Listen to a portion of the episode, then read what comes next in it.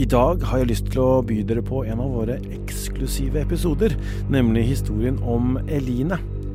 Hver mandag lager vi i Krimpodden premiuminnhold som vi publiserer i Podme og på VG+.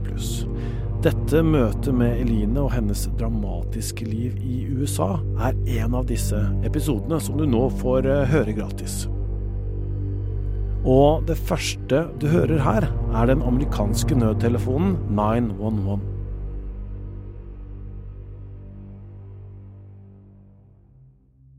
There's a couple. I think they're downstairs couple going at each other. She literally just ran out, banged on somebody's door, and said, "Call the cops." He said he was hitting her. Is that correct? He's beating her up outside across the street. Help is already on the way, okay? And again, just keep your doors and windows locked and do not disturb anything at the scene, okay? Oh, I didn't touch anything. I might have my feet prints there because I didn't realize there was blood everywhere when I went to lean over. Krimpodden skal til USA. Denne dagen skjer det store, alvorlige greier i hovedstaden Washington DC, men vi skal ikke dit. For hvis man kjører i fem og en halv time sørover fra Washington DC og ned langs kysten, så kommer vi til staten North Carolina. Her bor det en norsk dame i en liten by ved kysten. Hun skal oppleve noe forferdelig. Jeg heter Tor Erling Tømt Ruud, og dette er Krimpodden i VG.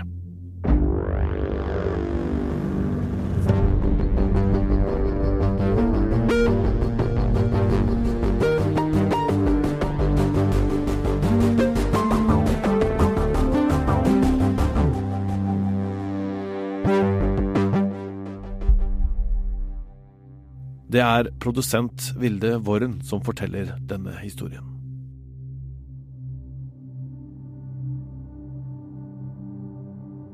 I en leilighet i et rolig strøk i byen Wilmington i USA står TV-en på hos ekteparet Will og Tiffany Perry. Begge er unge, i slutten av 20-årene, og har bare bodd her noen få måneder. Akkurat denne dagen, 6. januar 2021, er det noe på nyhetene som fanger oppmerksomheten deres. Um, so evening, I think it was around six o'clock at night, um, and we were um, watching the news about what was going on with what's going on in the U.S. Capitol at that time.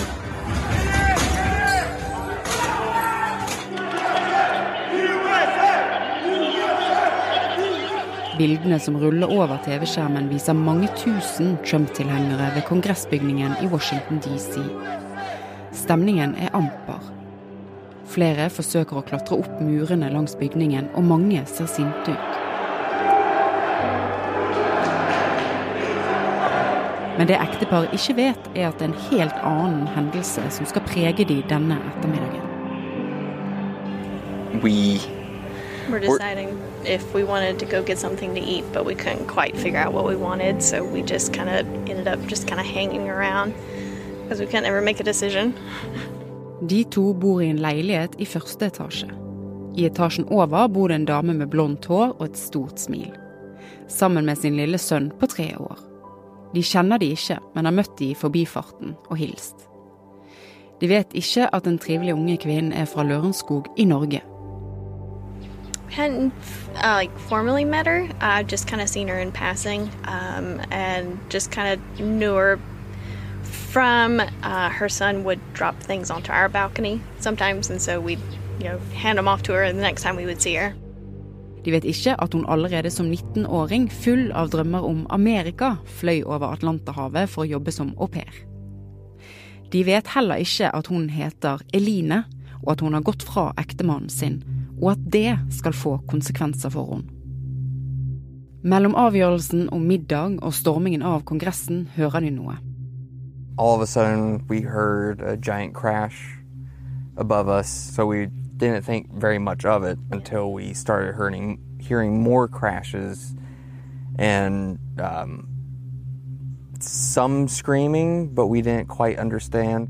Lyder fra etasjen over har de hørt før. Noen ganger små barneføtter som hopper rundt der oppe, som løper rundt i stuen og som leker på gulvet. Det virker som om eh, det kun er de to mesteparten av tiden, mor og sønn. Men naboen har òg observert en mann en gang iblant. Det de antar er guttens pappa. De har sett dem skifte dekk på bilen utenfor leilighetskomplekset. So our apartments were completely um, mirrored from top to bottom. So it, it all happened in their kitchen. I re- remember it, the door crashing. Lydene de hører denne gangen gjør de bekymra. De er usikre på om det er den lille gutten eller noe annet. Så hører de plutselig store dunk og skriking. Sånn unormal skriking. Det høres ut som om noen blir kastet rundt der oppe, syns de. Looking back on it, it sounded like she was thrown against the where the dishwasher was and the countertop. So I started to walk towards the door and I was about to go upstairs to make sure like everything was going all right. Før Will rekker bort til sin egen ytterdør, hører han barneskrik. Han går ut og står i bunnen av trappen som fører opp i andre etasjen. Der møter han en høy og muskuløs mann med den tre år gamle nabogutten i armene. Han kjenner umiddelbart igjen mannen. Alt skjer så raskt. Next thing that I know, I'm at the bottom of the stairs. We both turned and looked at each other because I don't think he was expecting me at the bottom of the stairs at all. Øverst i trappen kommer en kvinne til syne. Det er naboen, Eline. Hun roper, nærmest skriker, fra toppen av trappen og ned. Ifølge Will så slenger nærmest mannen gutten i armene på han. Uh, at the time, I thought she was wearing a pink shirt. So all of a sudden, he turns, looks at me. Uh, I s- stare at him, and then all of a sudden, he turns towards her and charges back up the stairs. Will opplever mannen i trappen som vill av raseri. Just pure rage, especially when, um, especially when she was at the top of the stairs. When he handed me his son, that because he handed me his son because she was at the top of the stairs. It's almost like he was in autopilot too. Yeah, I, I, I and it was pure just adrenaline and rage that I saw, and he charged up. The, it wasn't like a, it was him charging up the stairs. That's the only word I can describe about it. She uh, screamed at me to not let him take her son, and also to call 911. Tiffany, som fortsatt er inne i leiligheten, begynner å bli bekymra. He had been gone for so long, I was like, something's not right. And as soon as I opened the front door, there he is. Synet som møter hun, glemmer hun ikke. En treåring som ikke er fysisk skadd sjøl, men som er dekket i blod, sitter på ektemannens arm. Nødsamtalene fra de andre naboene har allerede begynt å renne inn til 911.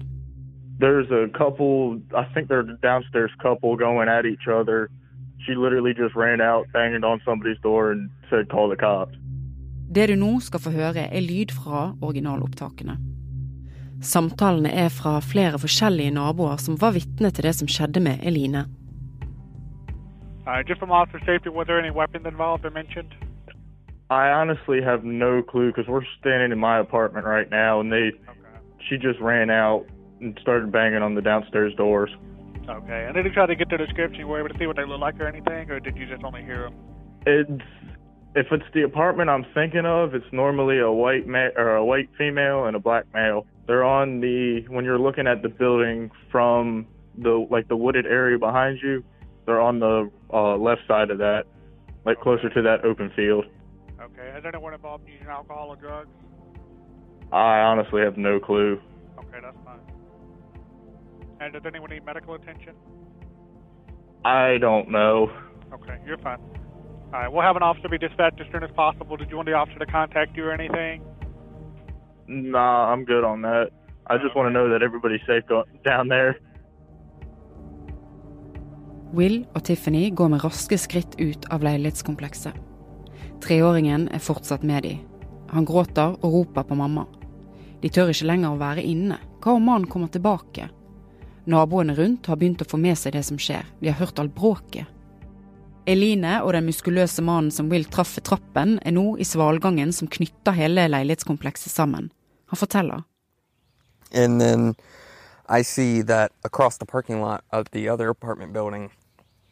one of our other neighbors, uh, they were screaming my direction. So I turn around and I see um, her and him. Nødsamtalene fortsetter å komme inn fra bekymrede naboer. Okay, have you already called in?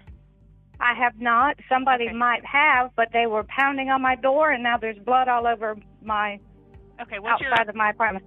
There is a knife outside my door. Okay. Is the knife still on there? the right hand. The knife is still there. Okay. I don't wish to touch it, and there's blood everywhere. I svalgangen i den høye andre etasjen, fire-fem meter over de, knivstikker mannen naboen til Will og Tiffany igjen og igjen. There is a man out here beating on a female across the street from me. He has a weapon. He said if anybody call the police, he's going to kill them. Okay, hold on one Sir? Yep, hold on one second.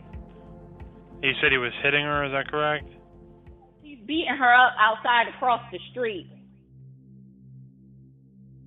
Eline presses mot rekkverket mens stikkene og slagene hagler. Det er umulig for henne å komme seg bort. Will skriker så høyt han klarer for å få mannen til å stoppe, men volden slutter ikke.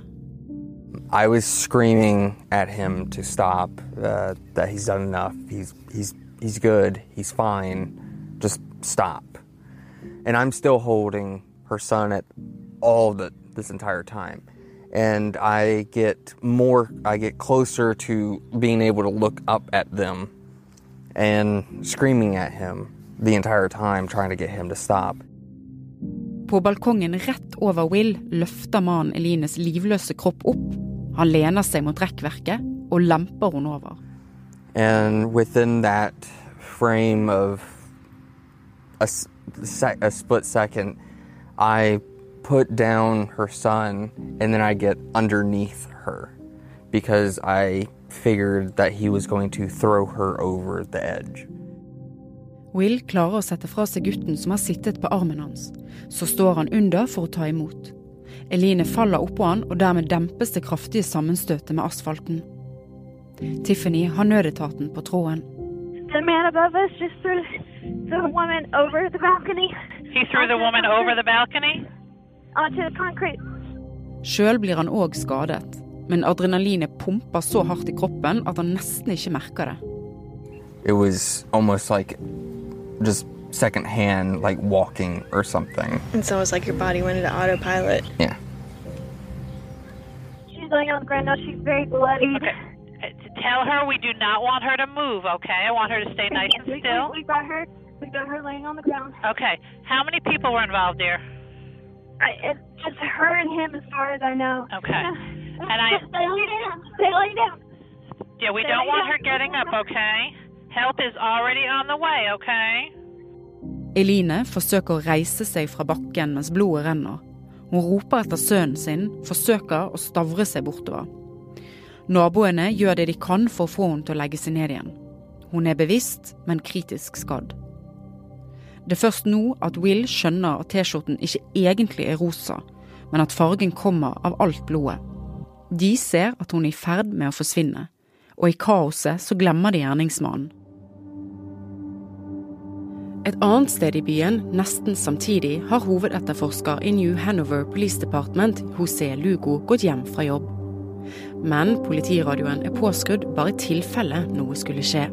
I was working night shift. Um, night shift was 12 to 8 um, in the Detective Division.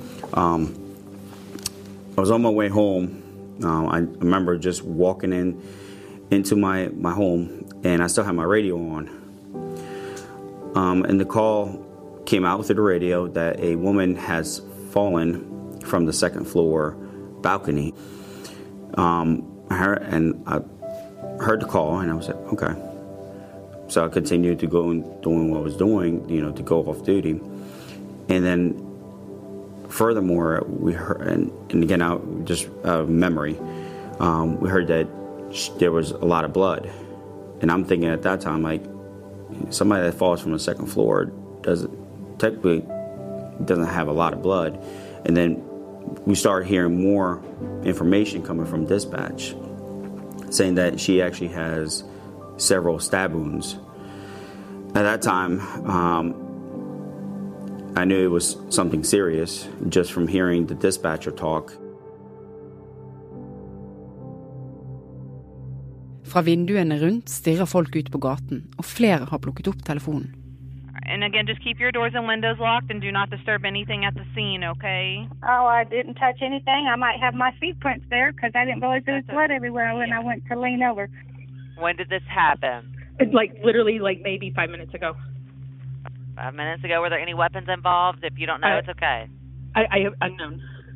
Okay, how many people are involved? Um, I believe it's just a female and a male. Okay, and the suspect did leave in that silver SUV? Yes, he left in a silver SUV. He's a black male. Okay. I have no idea what direction of travel. Do you know what color shirt he was wearing? Uh, he was wearing a dark colored hoodie with some white printing on the back. Naboen som ringer inn til nødsentralen har fått med seg at gjerningsmannen har forlatt åstedet. Ifølge innringeren så har han kjørt bort i en sølvgrå SUV. Men Will og Tiffany og de andre naboene som står rundt Eline ute på gaten, aner ikke hvor han er. De tør ikke å gå inn igjen i leilighetene sine, og står hele veien og passer på hun og sønnen. Etterforskeren José Lugo, som hadde politiradioen sin på hjemme og hørte hva som hadde skjedd, hiver seg i bilen. I started ca- calling my rest of my team that I was working with, and I started directing detect- different detectives on different assignments um, because I would to the hospital, um, to the crime scene, start calling the people that we need to get, the, get basically get the cavalry out. Etterforskeren kjører forbi ambulansen med Eline som er på vei til sykehuset i stor fart. Ambulansepersonellet har talt mellom 15 og 20 knivstikk. Men det er vanskelig å anslå. Det er i hodet, nakken, brystet, ryggen, armene og hendene. Eline er kritisk skadet og trenger hjelp til å puste. Dette ser ikke bra ut. When I get to the crime scene, it's very chaotic. Um, obviously, law enforcement everywhere. It's, it's an apartment building. Everybody's outside trying to figure out what's going on. When I arrive on scene, I take command of the crime scene, and um, patrol has already did their job, as in making sure that the the scene's safe um, and things along those lines. Åstedet er voldsomt. When I walk up to where now I know that she was thrown, um, there's a pool of blood on a concrete you know, with a bunch of medical devices that I believe that were used on her right there. I walk the crime scene. Um, I walk up the steps and um,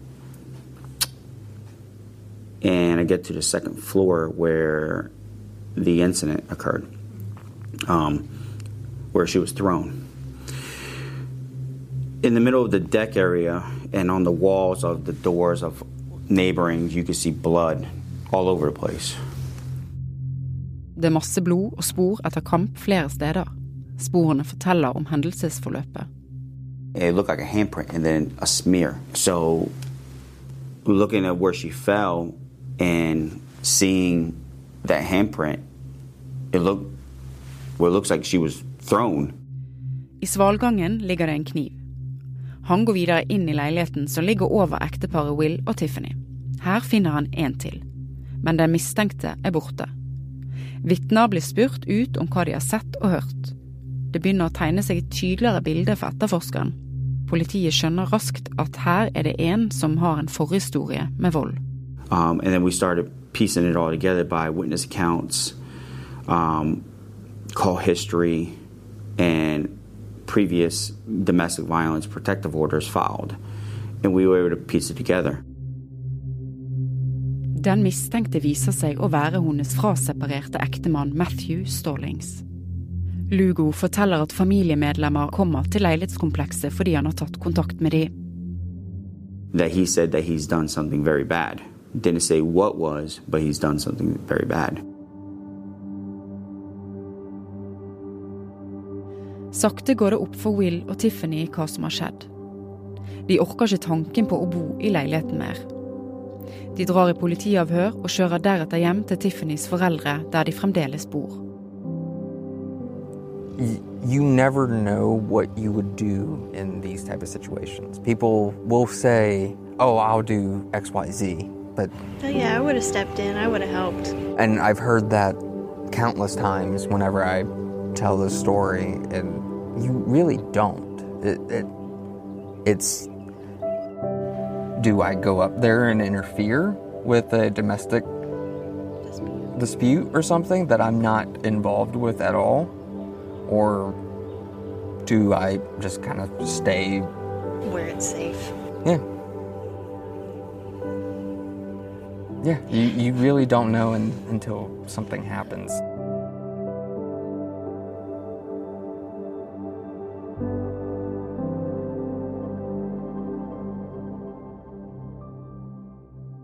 Eline våkner på sykehuset med kroppen full av slanger og en lang tube ned i halsen. Hun lever.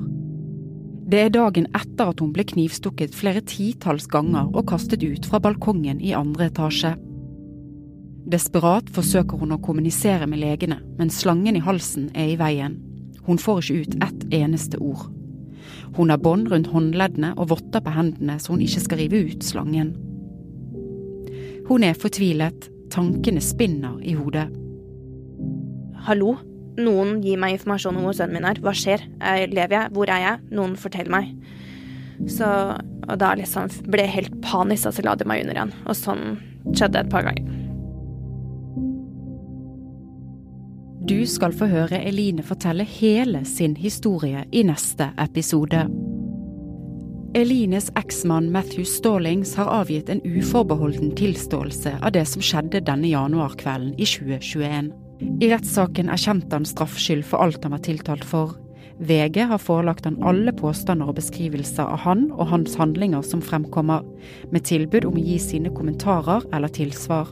Via fengselsdirektøren der han soner sin dom, sier Matthew Stallings at han ikke ønsker å snakke med VG. I rettssaken beklaget han angrepet på Eline og omtalte det som de mest grusomme handlingene han noensinne har begått. I over et halvt år har VG òg forsøkt å komme i kontakt med advokaten hans, James Franklin Rutherford. Han har ikke besvart våre gjentatte henvendelser. Hendelsene som beskrives i podkasten er gjenfortalt med Elines ord og opplevelser, med støtte i retts- og politidokumenter, vitneforklaringer, sykehusjournaler og intervjuer med øyenvitner og øvrige aktører. Av hensyn til sønnen har VG valgt kun å bruke fornavnet til Eline. I 13 måneder har VGs reportere hatt jevnlige intervjuer med Eline. I mai 2022 fulgte VG henne på reisen tilbake til North Carolina for å følge rettssaken mot eksmannen hennes Matthew Stallings. Der gikk vi også opp hendelsesforløpet på åstedet, samt intervjuet en rekke vitner og aktører med tilknytning til saken.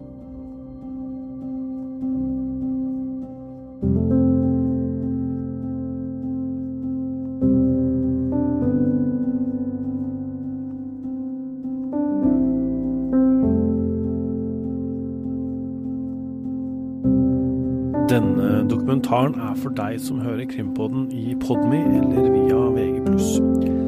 Hvis du opplever vold eller overgrep i nære relasjoner, kan du ringe volds- og overgrepslinja på 116 006.